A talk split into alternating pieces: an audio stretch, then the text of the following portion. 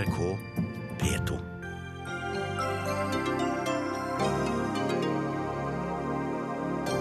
Det er blitt mindre ytringsfrihet i Norge, sier forfatter Ingvar Ambjørnsen. Mener folk vegrer seg for å si hva de egentlig mener. Omtalen av Frp i Trondheim kunstmuseums vårprogram er mye verre enn kulturministerens behandling av saken, synes Christian Tybring-Gjedde. Såpass må de tåle, svarer Arbeiderpartiet. Alle treåringer må testes i språk, og snakker de ikke godt nok norsk, må de gå i barnehagen, mener påtroppende Frp-leder. Ikke veien å gå, protesterer Venstre. Og jeg tror de opplevde meg som konkret og direkte, sier statsminister Erna Solberg etter møtet med den russiske statsministeren i Sotsji. Og de likte det ikke, legger hun til.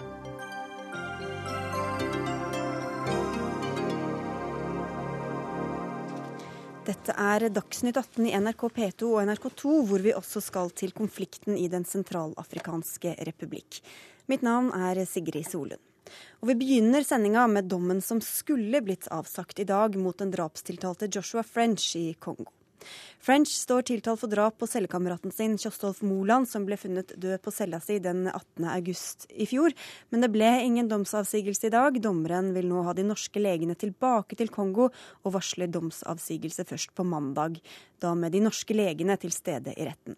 Halvard Sandberg, du er eh, utenriksreporter i NRK og har fulgt denne rettssaken tett, først i Kongo og nå hjemmefra. Hvorfor vil dommeren ha de norske legene tilbake?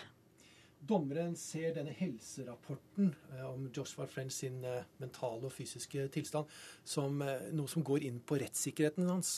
Altså at Hvis han virkelig var dårlig når rettssaken pågikk, og ikke forsto hva som foregikk med han og rundt han, så går det på rettssikkerheten løs. Og det er en debatt i rettssalen om denne rapporten handler om det. Og derfor vil han ha begge parter til stede. altså Vi har de kongolesiske ekspertene der og de norske ekspertene der for å kunne sammen kunne diskutere og finne fram til verdien av den rapporten. om eh, og så retten kan avgjøre om er han faktisk så syk at det har gått eh, på rettssikkerheten løs å ha han i rettssalen. Det kan jo virke positivt for hans egen del, eller hvordan skal vi tolke det? Ja, altså Hvis de nå sitter med en fellende dom i papirene sine som de har der på dommerpanelet, at han da blir felt for drap, Eh, og eh, det viser seg det at han ikke forsto hva som foregikk eh, rundt han, og det blir en ny rettssak, og det dommerpanelet kommer til en annen konklusjon, så er det en fordel for Joshua French. Vi skal ikke glemme her at hans egen forsvarer har argumentert sterkt for at dommen må falle i dag. Gi oss dommen, dere har den der. Kan ikke dere lese den opp? Denne eh, helserapporten den, eh, det er et annet spor. Det, det, tar vi senere. Nå vil vi gjerne ha dommen. Det tyder jo på det at eh, det kanskje ikke er en fordel for Joshua French at dette haler ut i tid. Det har vært ampert eh, til tider i eh, rettssalen i eh, Kinshasa, og du skriver på nrk.no i dag at French kongolesiske forsvarer sier at voldsomheten i aktors argumenter og fiendtligheten mot nordmenn skremmer ham, og advarer mot at det skal vekke patriotiske følelser. Hvordan vil du beskrive det som skjedde da i dag? Altså, dette var i, i, tråd med det som har skjedd tidligere i uh, rettssaken. Det at aktor bruker veldig mye fakter og veldig mye følelser og skriker høyt. Han skjærer jo gjennom høyttaleranlegget. Mens advokaten uh, forsvarsadvokaten til Joshua French prøver liksom å si at hør nå her, kan ikke du oppføre deg nøytralt, og du, liksom, du har sagt ting om min klient som ikke er, er riktig. Eh, det som eh, foregår her, er at eh, advokaten gjerne vil at eh, aktor skal eh, dempe seg. Men dette her er veldig mye skuespill. Hva tror du skjer da? Får vi domsavsigelsen på mandag, eller? Nei, jeg tror ikke det, dessverre. Altså, når de greier å bruke fem timer på å diskutere om eh, skal denne rapporten bli underskrevet på den måten eller den måten, og nå de skal ha eh, to sett med eksperter som da skal debattere mot hverandre om klienten faktisk er eh, frisk eller ikke, så kommer det til å ta veldig lang tid. Halvard Sandberg, takk for at du var med i Dagsnytt 18. Dagsnytt 18 alle hverdager kl 18.00 på NRK P2 og NRK2.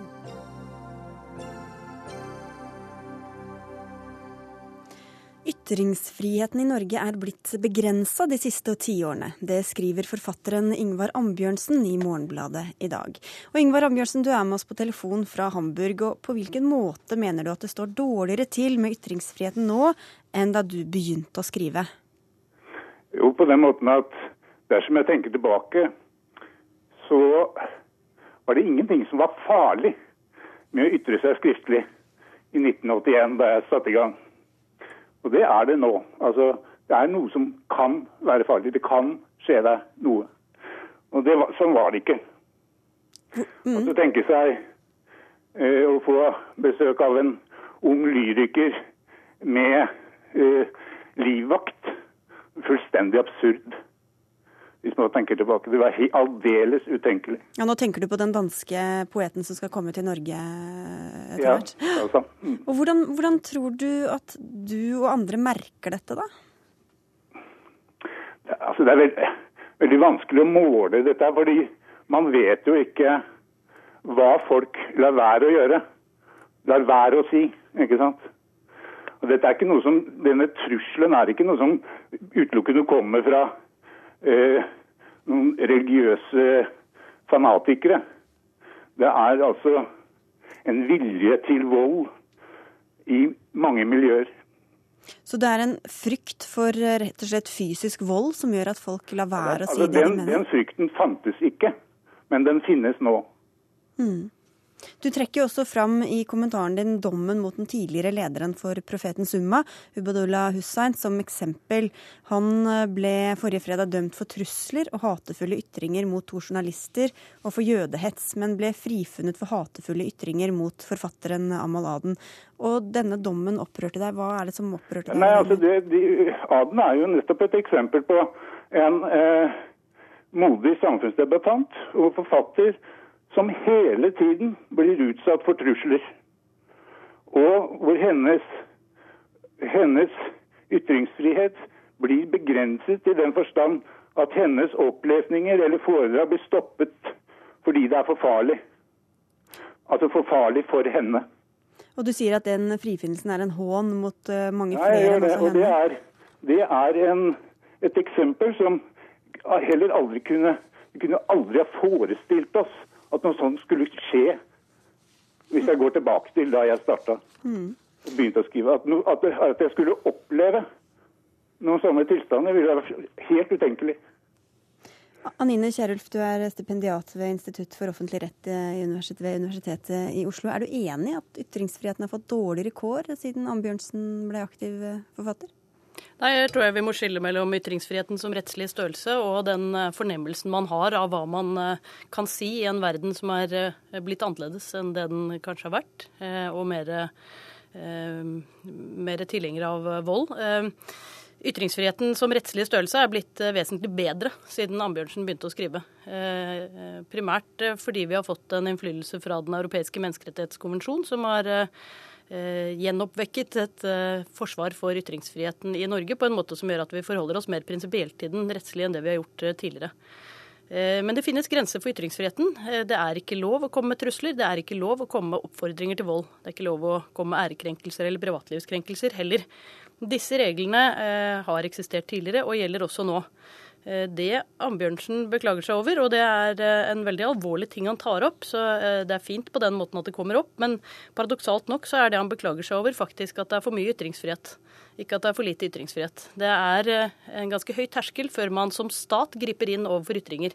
Så Det Ambjørnsen her tar opp, det er ikke ytringsfriheten på den måten at staten begrenser ens ytringer. Det er den ytringsfriheten man mister fordi noen tar til motmæle mot de ytringene man har. Hvis de motytringene er ulovlige, så kan de straffes. Eh, kritikken mot eh, den dommen eh, som frifinner de hatefulle ytringene mot Amal Aden, fremstår for meg litt lettvint. Jeg kan skjønne at man blir skuffet, men hvis man leser den dommen, så er det en ganske teknisk begrunnelse. Den er riktignok litt knapp, så det er vanskelig å ettergå den, men det er en ganske teknisk begrunnelse for at han blir frifunnet på dette punktet. Mm. Det som imidlertid fremstår veldig klart fra dommen, det er at både trusler og hatefulle ytringer er forbudt og vil bli forfulgt av politiet.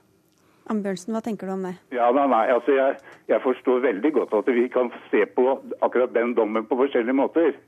Så Det har jeg ikke noe problem med. Men eh, det som er et problem, er at det er veldig mye av dette her som ikke, ikke lar seg det, det, tar seg sikkert veldig fint ut på papiret men, med jussen. Men det er, det er veldig mye av dette her som ikke gjør det aller minste inntrykk på de som utøver volden. eller truer med vold. Altså lovene er ikke strenge nok, eller straffene er ikke lange nok, da, eller? Jeg er ikke for å ha strengere, strengere lover, jeg er ikke kjent for det akkurat. Nei, det slo meg litt er- eh, paradoksalt der, ja. er, en, det er en situasjon vi er inne i, akkurat som det blir sagt her. Vi er inne i en annen tid. Og, og eh, for eksempel hvis du ser på forholdene her hvor jeg befinner meg, i Tyskland, så er det helt konkret eh, nynazistiske grupper, skinheads og sånn, er det livsfarlig å skrive om. Og det, akkurat det sliter dere ikke med der oppe foreløpig. Men dere har nå fått grupper som er villige til å bruke vold mot skribenter.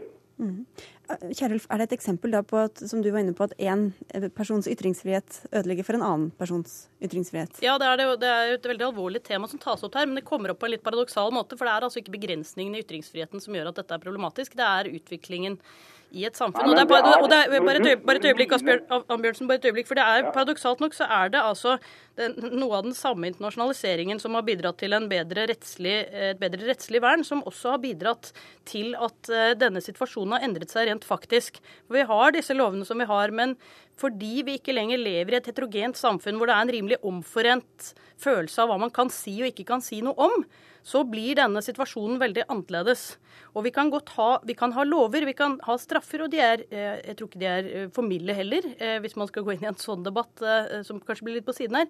Men problemet er at eh, det er ikke så lett å følge opp alle disse tingene. Man kan faktisk ikke hindre vold i hjemmet og voldtekter bare ved å ha lover mot det. Nei, det Eh. For menneskers handlinger styres ikke bare av regler av alene. alene. Nei da, det er jeg helt enig. Det er helt enig. Jeg, jeg står ikke her og sier at dette er lett. Slett ikke.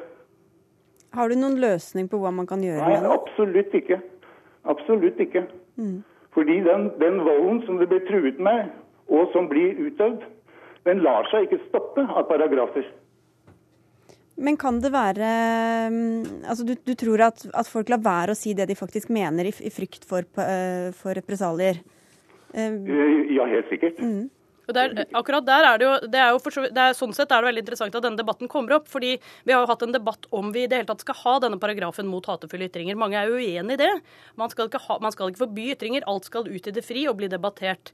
Men en, en begrunnelse for å ha denne bestemmelsen mot hatefulle ytringer, det er jo nettopp at hvis begrunnelsen for ytringsfrihet er at det er viktig å få frem så mange stemmer som mulig, så er det viktig at ikke grupper blir stigmatisert til å holde munn, slik at deres er ytringer ikke kommer er frem. helt enig. Det er helt enig. men dette ligger mm, kom igjen, Amundsen. Likevel, når jeg ytrer meg sånn mot deg at du frykter for ditt liv, eller at du ikke kan leve i dine vanlige hverdager lenger, da har jeg gått langt over streken. Uten at det kan straffes av loven, Anine Kierulf. Så hvis det ligger utenfor lovens eh, Hvis- rammer, hvem, hvis- hvem skal da justere det? Nei, da må det rett og slett justeres av den offentlige samtale. Og, og vel kan man ha tiltro til den, men slik fungerer den ikke alltid. Men det er viktig å understreke trusler er forbudt. Oppfordringer til vold er forbudt. Men det, det roer ikke deg eh, i Frankfurt, eh, nei, i Hamburg, Ann Ambjørnsen? Nei, naturligvis gjør det ikke det. Men altså, jeg, jeg sier ikke at jeg, jeg tror ikke jeg sitter på noen løsning på dette problemet i det hele tatt. Og det gjør vel ikke du heller, Anine Kierulf, annet enn å be offentligheten om å skjerpe seg? Det er en, en utfordring. Man kan ikke regulere seg vekk fra problemer. Og det er vel også en av grunnene til at vi har relativt vid ytringsfrihet. Det er at vi skal forsøke å diskutere oss stadig nærmere gode løsninger på de fleste utfordringer. Og vi kom i hvert fall eh, litt på vei her. Tusen takk skal dere ha for at dere var med, Anine Kierulf og Ingvar Ambjørnsen.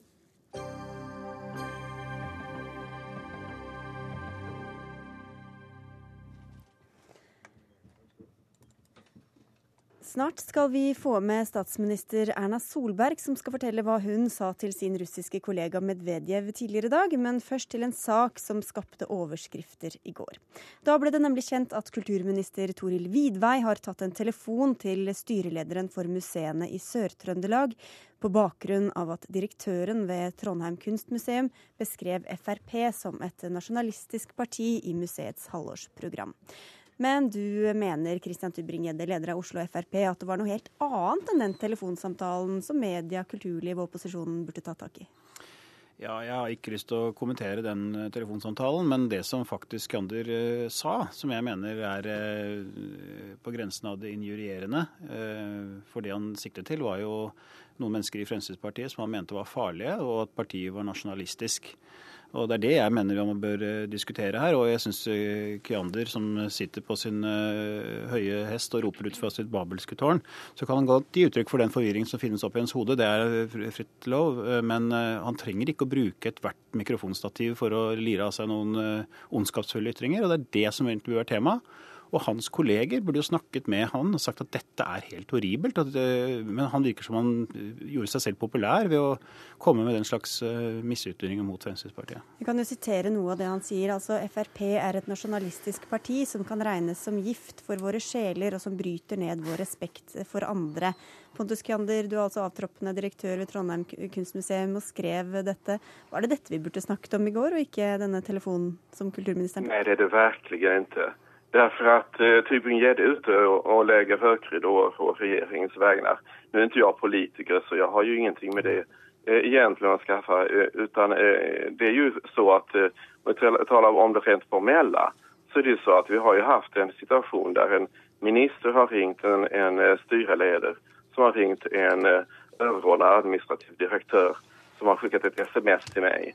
Och eh, det är ju en typ av ministerstyre som vi inte ska ha. Vi talar om armlängds avstånd mellan politiker och verksamheter. Och detta är en viktig demokratisk princip. Om jag har rätt eller fel om Fremskrittspartiet är fullkomligt likgiltigt. Eh, därför att jag kan, jag kan ha fullkomligt fel i min beskrivelse av Fremskrittspartiet. Men det gör ju inte att en minister har möjlighet och rätt att försöka påverka den verksamhet som för, eh, på kulturinstitutionerna mm.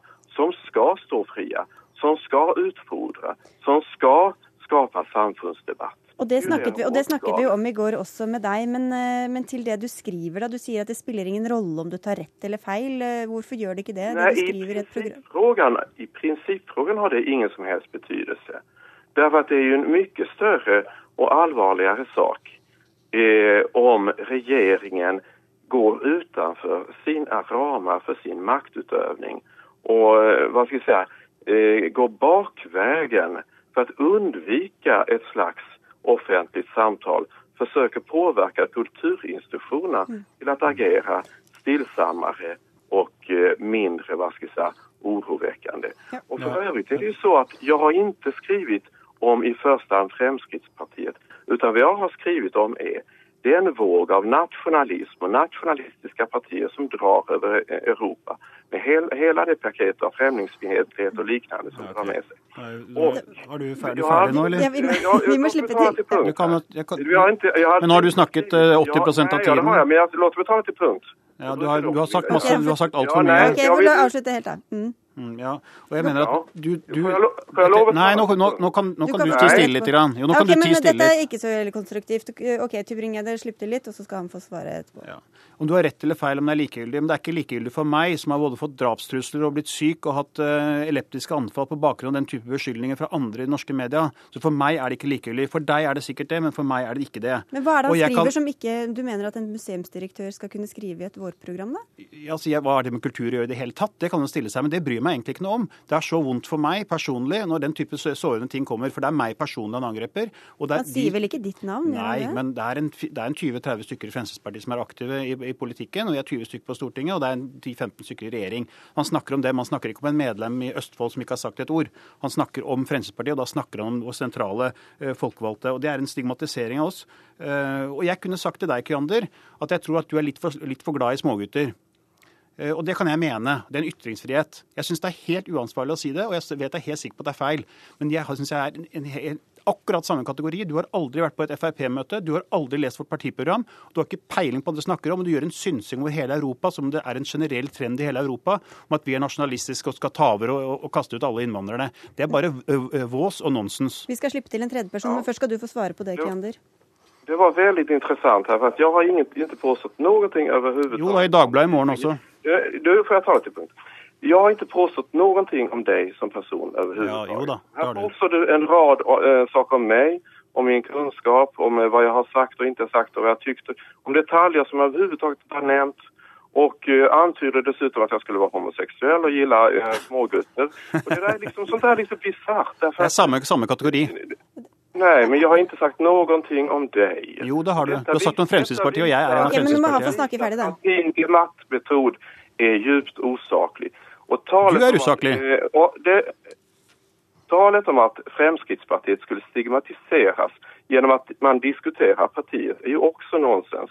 Och talet om at det skulle foregå noen slags mobbing av et parti som befinner seg i regeringsställning er også också absurd. Nei, det er ikke absurd, for jeg har opplevd både, både jeg, har- jeg har opplevd drapstrusler, jeg har opplevd drapstrusler og blitt syk av det. Men, men Kiande, bare få snakke ferdig veldig fort her nå, kort. Ja, avslutt setningen din. Eh, Mm. FRP er ikke et litet parti som er hotet, utan FRP er et stort parti som befinner seg i regeringsställning. Ja, ro deg ned, da. Ro tala deg om ned. att vara mobbad. Det är absurd å tale om stigmatisering. Ja, men personlig, jeg er blitt personlig, jeg er blitt personlig, jeg er personlig blitt syk av det. Det. Vi- skal har sagt Nå kan du være stille en stund. personligen, men Tybring-Gjedde ser mye om meg som person. Nei, jeg gjør ikke det. Jeg sa jeg kunne sagt det. Ok, vi roer ned litt her. olika föreställningar om hva saklig debatt handler om. Akkurat, ja. Saklig debatt. Det kan du lære noe av. ok, nå ble det veldig rotete her. Vi skal, jeg beklager at jeg avbryter deg, Kander, men vi, må, skal, vi skal få inn eh, Jette. Christensen, også stortingsrepresentant for Arbeiderpartiet. Syns du denne saken fikk feil fokus, eller? Eh? Nei, jeg vet ikke hva, jeg skulle ønske at vi slapp eh, å ha en situasjon i Norge der man måtte diskutere at kulturministeren ringer til en styreleder som igjen tar, igjen tar kontakt med en sjef, som igjen tar kontakt med en kulturaktør, og som skaper en situasjon som blir oppfatta som eh, et helvete, for å eh, sitere det er omtalen av det i går. Jeg skulle ønske vi slapp å diskutere det, men det var helt umulig å ikke diskutere i går, fordi at det er en så fundamental feiltolkning mm. av hvilken rolle du har. Men Og det har vi diskutert vi i går, sant? men også til det disse herrene nå har kranglet om, da. ja, den debatten mellom de to, eh, den, er helt, eh, den er helt flott. Det er sånn eh, kombinasjonen av kunst og politikk skal være. Eh, Kunsten skal utfordre politikken. Eh, og at Christian Tybring-Gjedde eh, er uenig i Kjønder sine uttalelser, det eh, er det som er med på å dra debatten videre. Det er den diskusjonen eh, man skulle hatt, men det var synd at, det var synd at, man, eh, at kulturministeren eh, handla på den måten at eh, ikke de diskusjonene kom først. For kunstens eh, rolle er å ut, eh, utfordre politikken. Det gjør de hele tida, og det må ikke politikere eh, sette en stopper for. Og Det var jo det som var problemet i går, og det er jo det som igjen er problemet i dag. Fordi at Christian Tybring-Gjedde har en lang tradisjon for å ikke ønske velkommen meninger og ytringer som, er som ikke er de samme som hans egne. Eh, nå, nå, er det, eh, nå er det Kiander. Eh, det er ikke lenge siden han mente Universitetet i Bergen burde gi en skriftlig advarsel til en forsker der. Dette føyer seg inn i rekken av et slags offerrollesymposium som blir arrangert hver eneste gang noen sier noe som er som er annerledes enn det Kristin Trybing Gjedninge mener. Og da burde man heller diskutert det, istedenfor å bruke masse tid på å fortelle, fortelle hvor lei man blir. For det er ikke så interessant. Er det veldig lett å såre, Kristian Trybing Gjedninge? Ja, Hvis du hadde visst hvordan det har vært i mine de siste par årene for meg, så hadde du ikke trodd at du hadde sagt det. Og det syns jeg er ganske arrogant å si det. Dette du snakker om, det var når Aarebrot var på vårt arrangement og kalte meg fremmedfiendtlig. Og jeg finner meg ikke i å bli kalt den type ting. Jeg er like glad i innvandrere som alle andre. Og jeg, jeg, forstår ikke at det, går an å tenke de tankene engang. Er det så fjernt. Eh, Så fjernt å tenke, Men- tenke på den Men, måten. Jo, men- jo, men- han, altså, hvor mener du grensene går? Han har jo ikke angrepet noen personlig. Selv om du føler deg personlig truffet, så har han ikke nevnt noen ved navn. Hvor går grensen for hva en museumsdirektør skal kunne uttale seg om da, i kunstens navn? Uttale seg om- altså, som jeg sa innledningsvis, Den forvirring som foregår oppi hans hode, kan han godt be- uttrykke, men du trenger ikke å bruke ethvert mikrofonstativ når du får opp i trynet. Og Det kan jo være at du kan uttale deg om det som er reelt kultur kulturelt. Og uttale seg en sånn, det- og det første så er det ikke så veldig originalt å mobbe Fremskrittspartiet. Det har vi blitt eh, utsatt for i årevis. Men eh, så kunne du kanskje tenke, tenke noen andre tanker. Tenke noen andre tanker. F.eks. være opptatt av alle de menneskerettighetsbrudd som begås av innvandrerne mot kvinner, f.eks. Kjønnslemlestelse, tvangsgifte, gifte med fetter og alle disse tingene som er noe å ta tak i. Det burde jo en, en, en kulturprofessor eller direktør ta tak i. Istedenfor å velge den tradisjonelle, vanlige, kjedelige rollen om å angripe Fremskrittspartiet som nasjonalistisk. Vi er lei av det, og vi befinner oss Ja, ikke i det. jeg men Christian ja, men må Tybring-Gjedde- bare få svare på det, da?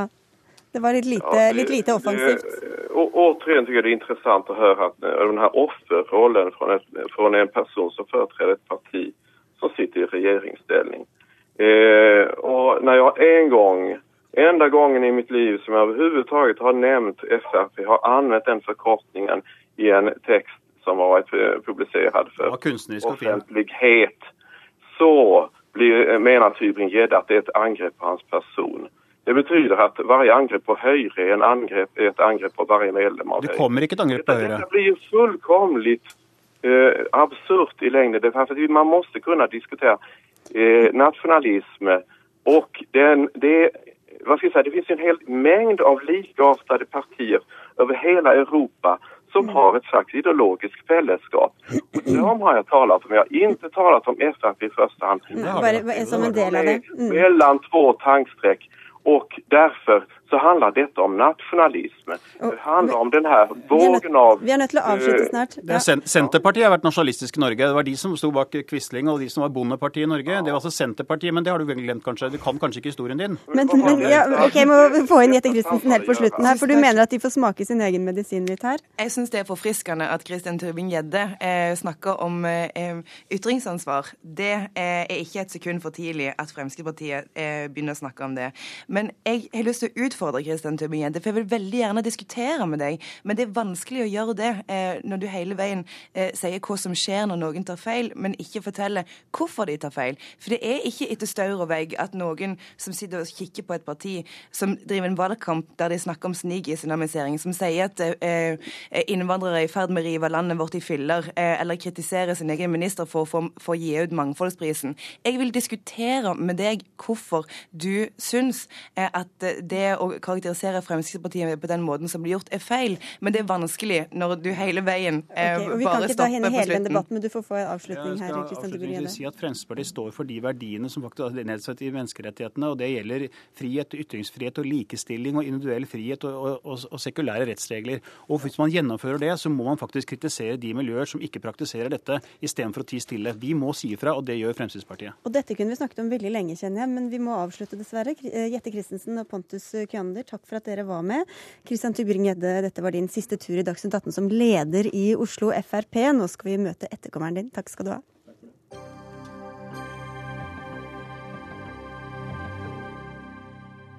For mange norske skolebarn eh, snakker så dårlig norsk når de begynner på skolen at det går ut over hele skolegangen.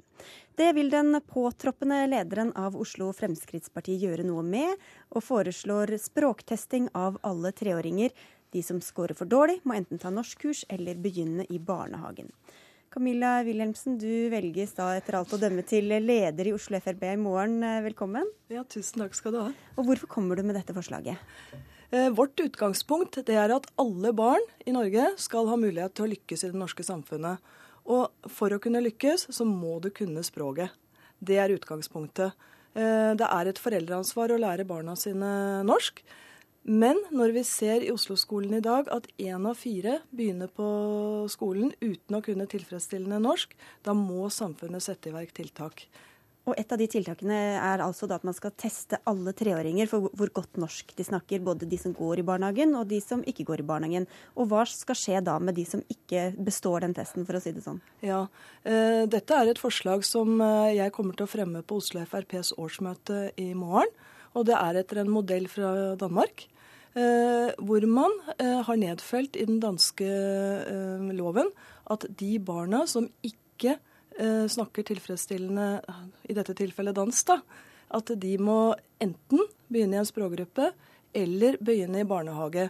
Og dette er av hensyn til barnets beste. Foreldrene skal altså ikke kunne sette seg imot det. Det er barnets beste og barnets mulighet til å lykkes i samfunnet som må være det grunnleggende. Ja, Og da skal de altså eh, enten gå på språkkurs eller gå, gå i barnehage. Hvis, ja. Ja, ja. Eh, Iselin Nybø, stortingsrepresentant for Venstre, hva syns du om dette forslaget? Nei, jeg, eh, jeg, jeg, Vi i Venstre vi er jo opptatt av at barnehage er en frivillig ordning.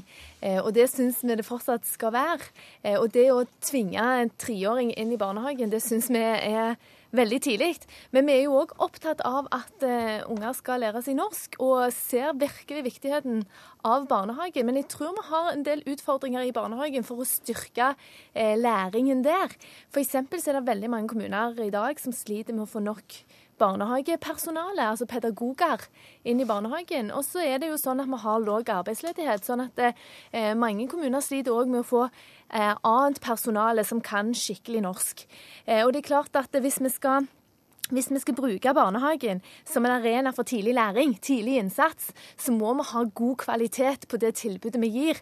Eh, og det er kanskje det aller viktigste vi gjør nå for å styrke, styrke norskkunnskapene til ungene. Det å styrke barnehagene våre. Så det er mye viktigere å begynne i den enden enn å få treåringen inn i barnehage? Ja, det er litt sånn. Og, og hvis du skal ha ungene i barnehage, så må du jo sørge for at, de, at vi oppnår det vi ønsker med å få ungene i barnehage. Da må vi jo ha høy kompetanse blant de som skal lære dem norsk. Så er det jo sånn at de aller fleste går i barnehage i dag og har stor, stor, nytte av det. Og i Stavanger, der som jeg er fra, det har vi lenge hatt som mål at alle skal gå i barnehage minst ett år før de begynner på skolen. Og det er målretta jobbing som vi har lykkes med her i Stavanger. Og det er uten at vi har tvunget noen. Men det handler om differensierte priser, det handler om eh, gratis kjernetid, det handler om å motivere foreldre til å sende ungene i barnehage. Og nå nikker du, Wilhelmsen, så det er sikkert ikke så mye av det her du er uenig i. Men jeg vil bare spørre om en ting til i det forslaget som du har Eh, vil da fremme. Og Det går på at de treåringene som ikke scorer godt nok, og som har en forelder som går på sosial eh, stønad, ikke får velge. De, da må barnet i barnehage. Hvorfor denne forskjellsbehandlingen? Eh, altså, Foreldre kan lære barna sine norsk. Det har de et selvstendig ansvar til. Eh, når du ikke gjør det, så er det barnets beste som må gå foran, og barnets beste til å kunne delta i en barnehage i lek med f.eks. Eh, etnisk norske barn til å få uh, utvidet språkstimulering. Det er dette som må ligge til grunn. Det er barnets beste, ikke foreldrenes uh, behov. Mm. Men jeg vil også gjerne si noe til det med, med gratis kjernetid. For det har vi også hatt i Oslo i mange år. Og, og, vært godt fornøyd med det, for det har bidratt til integrering. Men det vi har sett, er jo at ungene har Av de 70% av innvandrerbarna som begynte på skolen, som ikke kunne norsk. Eh, det var 70% av de innvandringsbarna vi hadde i Oslo så hadde altså de fleste vært født og oppvokst i Norge, og de hadde gått i barnehage. Ja, og Det viser mitt poeng ja. på en veldig god måte.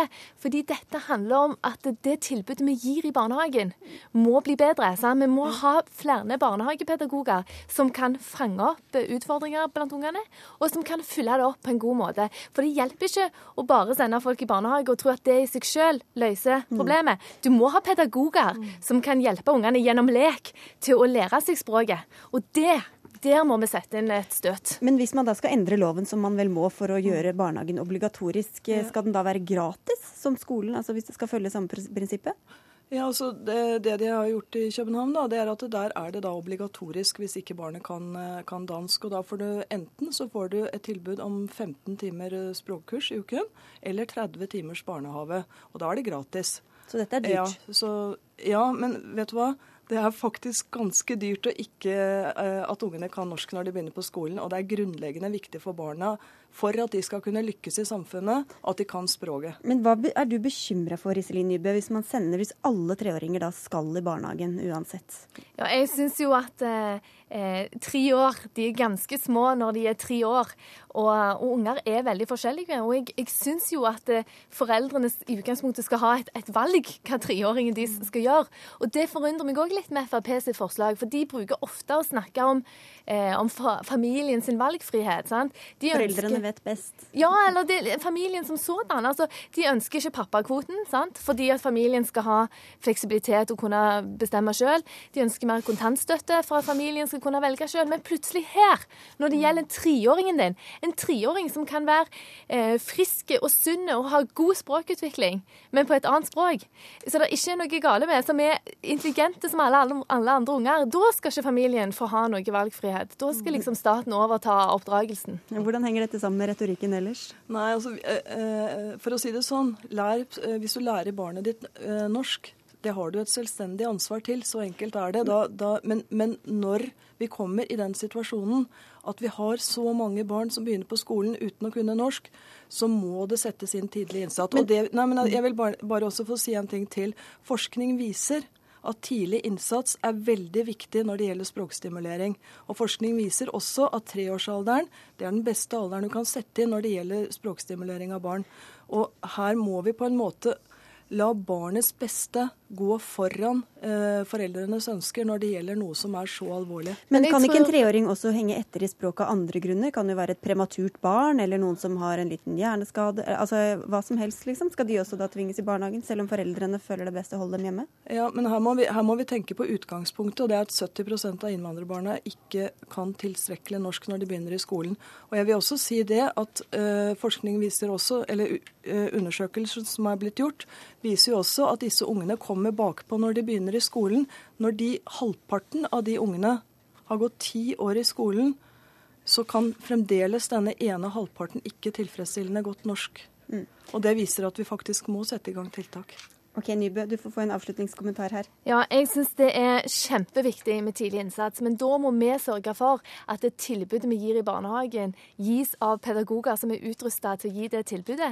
Og så må vi ikke glemme det, at de aller, aller, aller fleste foreldre ønsker det aller beste for sine unger. Så hvis de bare motiveres, hvis man bare snakker med dem, hvis man bare gir dem et skikkelig tilbud i barnehagen, så ønsker de fleste foreldrene at ungene de skal settes i best mulig stand til å klare seg videre i livet.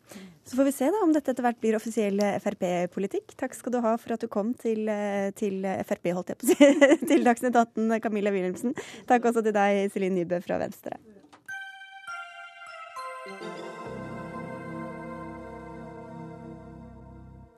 Mange har ment mye om hva statsminister Erna Solberg burde si og gjøre når hun først tok turen til Sotsji.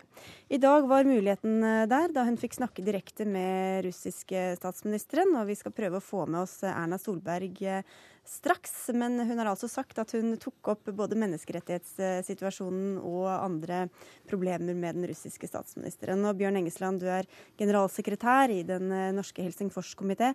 For en uke siden møtte dere statsminister Solberg for å fortelle hva dere syntes om russernes eh, forhold til menneskerettigheter, og hva hun burde si til russerne mens hun er der. Hvor fornøyd er dere med det hun har sagt og gjort i dag? Vi er veldig fornøyd med at statsministeren eh, gjorde alvor av det hun sa i forrige uke, nemlig at hun ville ta menneskerettighetene reelt opp eh, med, med statsminister Medvedev. Vi er også veldig fornøyd med at hun også møtte representanter for russisk sivilsamfunn, menneskerettighetsaktivister under Sotsji, og har tydeliggjort alvoret i den norske bekymringen for menneskerettighetssituasjonen i Russland generelt, og ikke minst hvordan Russland forholder seg til de verdiene som ligger i eh, OL, OL-charteret, eh, og, og, hvor de på ingen måte egentlig har vist respekt for helt grunnleggende prinsipper der. Men Skulle dere ønske at hun hadde gått enda krassere ut? Nei, jeg, Vi vet jo ikke helt hva hun har sagt i, i, i møtet i dag. Eh, så jeg, jeg vil på en måte ikke si noe om det. Det viktige nå er jo egentlig at dette ikke bare blir en engangssituasjon, men at man opprettholder dette presset på russiske myndigheter mm. også etter OL. Og Der og kommer vel du inn, utenriksminister Børge Brende. Hvor eh, viktig var det møtet i dag, eh, etter ditt syn? Jeg syns det var veldig eh, bra og viktig at vår statsminister møtte med statsminister Medvedev. Og at, og det vet jeg, for jeg har da snakket med flere av de som var til stedet, har både tatt opp situasjonen for det sivile samfunn, disse lov lovene eh, som tilsier at du da må registrere deg som eh, agent hvis du mottar økonomiske bidrag, f.eks. fra Utenlandsk agent? Også, ja. Mm. Hvis du mottar eh, støtte fra f.eks. Helsingforskomiteen i Norge, så har hun jo også tatt opp dette med seksuelle minoriteter, LHTB.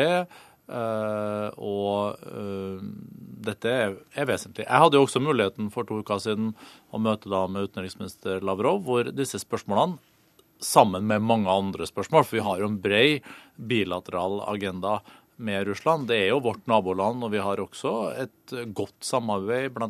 innenfor miljø, innenfor eh, da opprydding på atomsida, og også et godt økonomisk samarbeid. Men pga. at vi har dette samarbeidet, eh, så tror jeg de lytter til oss også når det gjelder eh, dette med menneskerettigheter. Men det er mange saker som skal opp på kort tid, og det er jo ikke akkurat et normalt kaffeslabberas. Hva er egentlig rammene for hva som kan sies, altså både sakte og usakte, når et sånt, enten på statsministernivå eller utenriksministernivå som du er, når et sånt møte finner sted? Ja, det er jo, som du sier, da mange saker som skal tas opp. Eh, men eh, jeg er overbevist om at uh, vår statsminister ikke gikk inn i det møtet uten å være veldig klar på at dette med menneskerettigheter måtte tas opp, og ikke minst situasjonen for seksuelle minoriteter i Russland. Da jeg møtte med Lavrov, så var det jo helt åpenbart at dette måtte tas opp. Jeg tok jo også opp Eh, saken uh, eh, knytta til Engelsland, som da ikke har fått eh, visum på snart fem år, til Russland. Den det var bare noe sånn visumteknisk? na, ja, men, men, han kjente han, Jeg vet ikke om han kjenner Engelsland som person, men han kjente saken meget godt og var forberedt på det, og uttalte jo da at dette kanskje skulle løse seg til sommeren. Det som er viktig, er jo ikke bare at du tar det opp, men det er jo viktig at du kommer i en situasjon hvor du blir lytta til og fulgt opp. Og Ofte så har vi jo vært sånn i Norge at du har det ta-opp-diplomatiet. Bare du har kryssa av saken, så er, er, jobben gjort. Men dette må være et langsiktig arbeid, og du må også etablere et forhold hvor du faktisk blir lytta til, og hvor du blir tatt seriøst. Så det er en balansegang. Eh, det er forskjell på å være politiker eh, og da tilhøre det sivile samfunn det er ikke sånn megafondiplomati vi driver. Mm. Og Hva er den lureste måten å gå fram på hvis man faktisk skal bli hørt, tror du, Engesland? Jeg tror det er viktig at vi har et konsistent budskap som til stadighet blir gjentatt. At vi gir klar beskjed om at dette er bekymringsfullt sett fra norsk politisk side og sett fra det norske samfunnet sin side. Tar opp både generelle problemstillinger, men også enkeltsaker. Jeg tror det er viktig at vi markerer at vi følger en del av de enkeltsakene videre. Det er bekymringsfullt at Russland i går dømte en aktivist til tre år i fengsel. Dette gjør man mens hele verdens søkelys er på Russland. Og man kan jo ane hvordan situasjonen vil være om to til tre uker mm. i forhold til en del av de utsatte gruppene. Men et konstant, vedvarende press tror jeg er viktig. Også vise at vi, vi mener dette alvorlig. Men vi mener også at kritikken skal kunne kombineres med vilje til samarbeid. Konstruktiv bistand fra norsk side er viktig. Prøve å hjelpe russerne til eventuelt å få orden på en del av de utfordringene de står overfor, også menneskerettslig. Men Børge Brenne, man må vel kanskje også samordne seg med andre land, så man sammen kommer med et felles budskap eh, og, og sørger for å presse på de samme knappene? Ja, vi var jo da de nordiske utenriksministrene uh, i Reykjavik uh, i går, faktisk, og dagen før. Og da er jo også Russland en del av uh, diskusjonen. Uh, det skjer jo også i Nato-sammenheng. Vi hadde jo da utenriksministermøte i Nato hvor vi faktisk hadde et uh, møte, et eget råd, hvor Russland deltar, og Natos utenriksministre, hvor dette også blir satt på dagsordenen. Men jeg er enig med Engelsland at det er det langsiktige arbeidet som er avgjørende, og at du tar opp saker på at det er forutsigbart. Men man må jo føle at uh, dette gjør man også fordi at man bryr seg om utviklinga i Russland. Mm. Og jeg mener at Russland står overfor viktige veivalg fremover. Og jeg håper at dette med tradisjonelle verdier, som det nå henvises til, ikke blir en unnskyldning for da å abdisere på, for det som er forpliktelsene i FNs menneskerettighetserklæring og lignende. Men det er vel ikke sånn at budskapet kommer som et sjokk på Medvedev i dag? Altså Han aner vel sånn cirka hva Erna Solberg kommer til å bli, men det, dere mener at det har en effekt, selv om det, det er ikke bare en sånn øvelse ritual, ritualer, liksom? Jeg tror det er viktig. Det er viktig at vi sier det fra. Det er viktig at vi snakker i, i, klartekst om hva vi er bekymret for. Og så får vi håpe at i det lange løp så vil det ha en virkning. Og jeg, jeg tror vi blir lyttet til. Jeg, jeg, tror det betyr noe hva Norge som et naboland sier.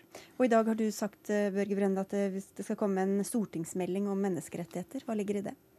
Ja, Det er ikke fremma noe stortingsmelding i Norge en bred debatt eh, om menneskerettigheter siden 1999, så det er 15 år Eh, siden. Så det syns jeg nå er på tide, for å da bli enige om en fremtidsretta politikk innenfor dette området. Da skal vi ha med eh, statsminister Erna Solberg selv. Nå har vi sittet og snakket om deg. Eh, hva sa du til Dmitrij Medvedev da du møtte ham i dag? Nei, altså Jeg reiste de spørsmålene som jeg mener har vært vesentlige i den bekymringen man har hatt og diskusjonen man har hatt om utviklingen i Russland i Norge. Det ene er utviklingen når det gjelder eh, ikke-statlige organisasjoner, frivillige organisasjoner sine rammevilkår. Særlig de nye lovene og endringene, som jo har direkte effekt for organisasjoner i Norge sitt samarbeid med organisasjoner i Russland. På de områdene opplever jeg at russerne faktisk eh, tenker at, eh, at, altså, at de ønsker å ha et samarbeid mellom sine NGO-er og andre NGO-er. Og at de kanskje er litt i tenkeboksen på hvordan de skal gjøre det enklere enn det de har gjort nå. Det andre temaene er de temaene som dreier seg om homoseksualitet, lesbiske og eh, mangel på rettsforfølgelse av en del av de overgrepene og angrepene som har vært. Og eh, de arrestasjonene som har vært etter demonstrasjoner og miljøaktivister. Det klart, det var ikke, veldig, det var ikke den beste stemningen på møtet jeg har vært når vi snakket om dette. Men eh, de har hørt våre bekymringer. Mm. Hva sa han da? Som sagt, På det første området så mener jeg at de er imøtekommende iallfall på at de ser at kanskje noen av reglene deres bør de ha en prosess å se på om de kan gjøre det enklere. At de er enige i dette samarbeidet mellom eh, frivillige organisasjoner må kunne eksistere på en god måte. Eh, på det andre området vil jeg vel mer, mer eh, konstatere at han lyttet, og egentlig ikke ga så veldig mye tilbakemelding. Det er, det er kanskje i og for seg forståelig. De vet at det kommer den typen påpekninger, mens eh, de er egentlig ikke noe begeistret for å få det de opplever som kritikk. Mm. Det ville vel kanskje ingen av oss være. Nei, Da ble han bare litt mutt, eller? Nei, altså Jeg skal ikke gi beskrivelser av hva som foregår i et sånt møte. Han ga beskrivelser om at, eh, at de var opptatt av, eh, av menneskerettighetsspørsmål og annet. Men det er klart det, er, det, var tydelig beskjed for oss, og det var ikke nødvendigvis Det var et veldig hyggelig møte både før og etter akkurat det, men det er klart ingen liker å få det de opplever som kritikk. Homofile har jo bedt deg gå med en pinn med regnbue på, altså dette merket som symboliserer homokampen. Gjorde du det? Nei, og jeg ser ingen grunn til at jeg skal bruke en pinn når jeg kan sitte direkte møte og ta opp de samme spørsmålene. Du møtte også aktivister som tok opp situasjonen til den straffedømte miljøaktivisten Vitsko, Witschko, som ble arrestert like før OL fordi han bannet på en bussholdeplass. Hva var det de ville at Norge skulle gjøre med hans situasjon? De var først og fremst opptatt av å, å snakke bredt om hva som var utfordringene knyttet til, eh, disse, til menneskerettigheter. De snakket bredt om hva de hadde gjort både før OL, hvordan OL påvirket området Sotsji på miljøområdet, på migrantarbeidere. Og eh, de ønsker selvfølgelig å ha fokus på, på, det. Men de var også veldig klar over at, eh, og, og veldig tydelige på at endringer må vi klare hjemmefra. Altså endringer i Russland må komme gjennom at man i russisk politikk og i russisk samfunnsliv selv ser det. Men de er klare for å, å vise at det er folk utenfor som er opptatt av å ha fokus på rettigheter Tusen takk for at du var med i Dagsnytt 18, Erna Solberg. Vi får ta en avsluttende kommentar her fra, fra studio på denne stortingsmeldingen om eh, menneskerettigheter. For vi har jo ikke helt uh, vår egen sti helt ren der heller, Engesland? Nei, det, det, har vi ikke. Uh, vi er også glad for den, uh, det forslaget som har kommet i dag om en stortingsmelding. Vi har tidligere foreslått at man burde ha en handlingsplan for menneskerettigheter hjemme og ute. Og en stortingsmelding går jo for så vidt eh, enda lenger, for den vil jo kunne resultere i en handlingsplan senere. Det er viktig å få en bred debatt om menneskerettighetene. Eh, det jeg har gitt uttrykk for tidligere i dag, er at det er fint at vi fokuserer på menneskerettighetsutfordringer ute, men vi burde også ta med det norske perspektivet. Se på utfordringer hjemme og det institusjonelle apparatet rundt håndteringen av det. Ja, Som vi også har fått kritikk for fra FN flere ganger, Børge Brende. Men det skal nå ja, det, altså det, det, har jo både stortingspresidenten og jeg har jo nå uh, sagt at uh, nå skal det opprettes et uh, eget uavhengig institusjon for menneskerettigheter under Stortinget og Sivilombudsmannen. Dette har da vært en av de viktigste Eh, kampsakene for det sivile samfunnet i Norge. Så nå får vi en bred stortingsmelding. Vi får en uavhengig vaktbikkje som kan påpeke eventuelle menneskerettighetsbrudd i Norge. Og så tror jeg nå det er viktig, altså, tross alt, og når vi hører det vi hører nå om situasjonen i en del naboland, og si at hvis det er noe som da ikke er på plass, sånn som skal være på menneskerettighetssida i Norge, så skal vi ta tak i det. Men jeg syns vi må også må ha visse perspektiver. ja, det var ikke meningen å antyde noe annet. Nei, nei, nei jeg oppfatta det ikke sånn heller, men jeg benytta anledningen. Takk skal dere ha. Takk til deg, Bjørn Engesland fra, fra Helsingforskomiteen. Børge Brenne, du blir med litt videre. Hør Dagsnytt 18 når du vil. Radio NRK Radio.nrk.no. For situasjonen i Den sentralafrikanske republikk blir verre og verre for hver dag. Amnesty International melder om etnisk rensing etter måneder med vold og drap. Og Vi skal straks høre fra en som nettopp kommer derfra, men først Morten Bøås, seniorforsker ved NUPI. Sett oss inn i situasjonen der nå. Ja, altså, situasjonen er eh, ikke bra, og det har blitt verre nå faktisk i løpet av de siste ukene. Eh, det er en situasjon eh, hvor voldsbruken på mange måter er ute av kontroll, i den forstand at det finnes ikke noe overordnede strukturer eller kommando-kontrollinjer blant disse gruppene som utfører denne volden.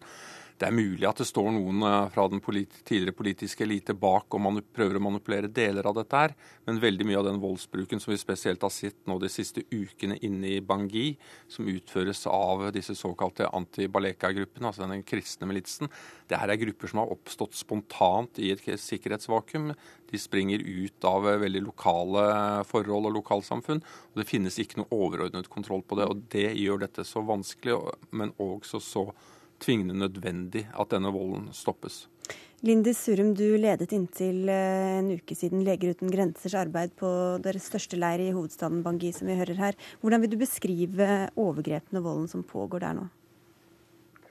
Som grusomme, omfattende, øh, sjokkerende. Eh, vi mottok hver eneste dag pasienter med voldsomme skader, også torturofre. Um, og som vi hører her, ja, jeg bekrefter det blir verre og verre. Mm. Går det an å si noe, mange, noe, om omfanget, altså hvor mange som er drevet på flukt? Uh, vi bruker vel ikke bare vi, men FN også bruker et tall opp mot uh, en million, 900 000 million. Uh, I den leiren jeg jobbet, som ligger da rett ved siden av flyplassen i hovedstaden, er det nå 100 000 som har samlet seg. Eh, og bare i løpet av den siste måneden så har vi tatt imot over 1000 skadde kun mm. på det stedet. Og Hva forteller de, og hva slags skader er det de kommer med? De forteller grusomme ting. De har eh, alle flyktet for, for livet sitt eh, og er helt klart livredde og tør ikke å reise tilbake til sine hjem. Vi mottar skader som er mennesker mangler kroppsdeler, det er torturskader. Ehm, det er eh, veldig voldsomt, eh, det, det vi ser. Mm. Hva er det viktigste, tenker du, for det internasjonale samfunnet å ta tak i nå? Eh, det er redd å bli oppmerksom på hvor ille dette her er.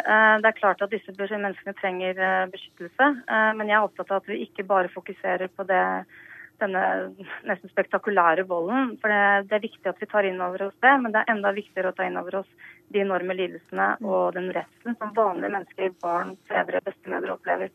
Eh, det er de som lider dette, og de trenger beskyttelse og de trenger humanitær hjelp eh, nå. Mm. Takk skal du ha, Lindy Surum fra Leger uten grenser, for at du var med. Morten Bøås, hva er egentlig bakgrunnen for denne konflikten som blir beskrevet her, da? Ja, det er jo en eh, veldig lang konflikt, eh, eller i hvert fall den har veldig, veldig, lange røtter. For dette er jo på mange måter kanskje Afrikas aller svakeste stat. En stat som uh, springer ut av en svak, svake kolonistrukturer fra Frankrike. Dette er historien om en av kanskje Afrikas aller mest eksentriske herskere, denne Bokassa, som utropte seg selv til slutt til keiser av Sentral-Afrika. Så kastes han og eh, med fransk hjelp, men de som kommer etterpå, klarer heller ikke å etablere egentlig et, eh, noe senter for statsmakt og autoritet. Og sånn har dette landet hva skal man si, sjangla videre mm. fram til eh, denne mer eller mindre nå står på randen av en totalkatastrofe. Og nettopp det at staten er så svak her, altså den mangler nesten totalt alt av statlige institusjoner utenfor hovedstaden, og i tillegg ikke har noen egentlig infrastruktur som ordentlig binder sammen, det gjør også både hjelpearbeidet og en internasjonal intervensjon veldig vanskelig. Mm. Men det er bare en internasjonal intervensjon tror jeg, som nå kan stoppe denne volden. Hva tror du, Børge Brønne, er det aktuelt eh, for Norge å bidra med i så fall?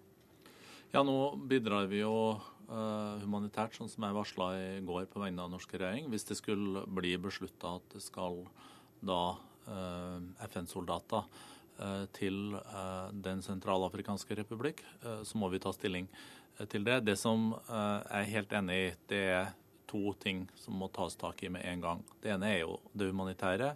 Det er 2,5 millioner som nå trenger akutt humanitær hjelp. Det er ikke medisiner, det er ikke nok legehjelp, det er ikke mat, og det er ikke rent drikkevann. FN har kommet med en appell og bare 13% av det beløpet de har bedt om, har kommet inn.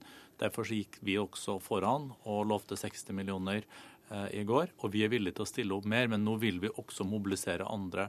Og så er det andre elementet. Det er jo uh, dette uh, maktvakuumet som har oppstått, og volden må stoppe opp. Og det er jo nå, så vidt jeg er kjent med, over 6000 Eh, fredsbevarende soldater der fra Den afrikanske union. Mm. Og så er det også franske soldater eh, der, alt under et eh, FN-mandat. Og dette har ikke vært tilstrekkelig for å stoppe denne volden. Altså, jeg syns det er kjempeflott eh, det initiativet som eh, Børge Brende og regjeringen har tatt med å sende disse 60 millionene. Så det er ikke noe sånn kritikk eh, på det fra mitt vedkommende overhodet. Det eneste jeg er opptatt av, er at vi må også reise denne debatten om i det internasjonale samfunnet og også her i Norge om hvem som skal ta et ansvar for å stoppe denne volden. For denne volden den stopper ikke av seg selv. Hvis vi skal vente på at dette brenner ut, så er det veldig mange døde vi kommer til å måtte telle opp. Og vi sa etter Rwanda så var det et uttrykt, denne, klart uttrykk fra det internasjonale samfunnet. Aldri mer. Da satt vi og så på dette her. Og jeg er litt redd for at vi kommer til å sitte og se på det igjen. Og hvis vi skal unngå det, så må noen ta ledelsen i denne prosessen her. Og eh, Noen, det, er det FN, eller hvem er det du appellerer til? Altså det er eh, Så klart FN må inn her, men det, det må også være land som har en vilje til å, til å, handle.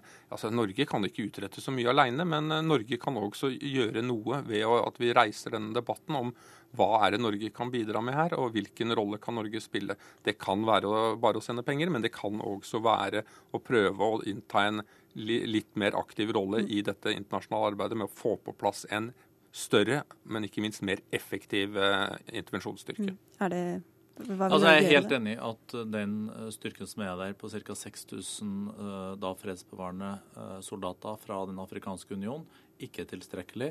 Norge har gått inn nå også og støtta afrikanske unions operasjon økonomisk. Ulempen med en ikke-FN-operasjon er at finansieringa er mye vanskeligere, for det er en automatisk finansiering når FN stiller opp. Frankrike har jo gjort en stor innsats, har jo hatt mange soldater der.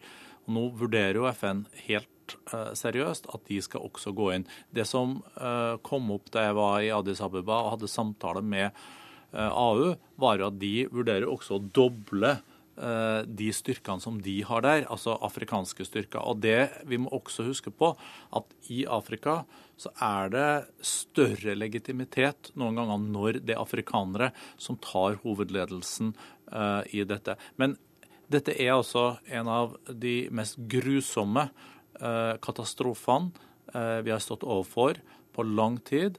Og jeg er veldig glad også for at Den internasjonale straffedomstolen nå har gått ut og sagt at nå skal vi undersøke. Og det er altså krigsforbrytelser som skjer her daglig. Ja, så Jeg er helt enig med deg at det er viktig at Den afrikanske unionen er inne her, og at den må spille en ledende rolle her. Men eh, og Den afrikanske union har også fått en større kapasitet når det gjelder å bedrive den type eh, fredsbevarende operasjoner. Eh, men fortsatt så trenger Den afrikanske union en god del støtte og hjelp, og spesielt i noe som kommer til å bli kanskje en av de mest kompliserte internasjonale operasjonene som vi har, vi har sett. Og dette må på en eller annen måte bli et samarbeid mellom AU og FN. Og noen må spille en rolle i å få en fortgang i den prosessen. For jo lengre vi sitter og venter her, jo større fare er det for at dette går fra å være ja, altså det, er en, det er en pågående etnisk rensing som foregår nå, men den er ikke over hele landet. At dette her kan bli en etnisk rensing i fullskala, full nasjonal skala, med de følgene det også kan få for regional sikkerhet i området. Vi har dessverre ikke mer tid, eh, men dere får ha takk for at dere kom til, eh, til Dagsnytt 18, utenriksminister Børge Brende og seniorforsker ved NUPI Morten Bøås. For Dagsnytt 18 er over for i dag. Bjørn Atle Gildestad hadde ansvaret for den. Teknisk ansvarlig Hanne Lunås og Sigrid Solø ønsker god helg.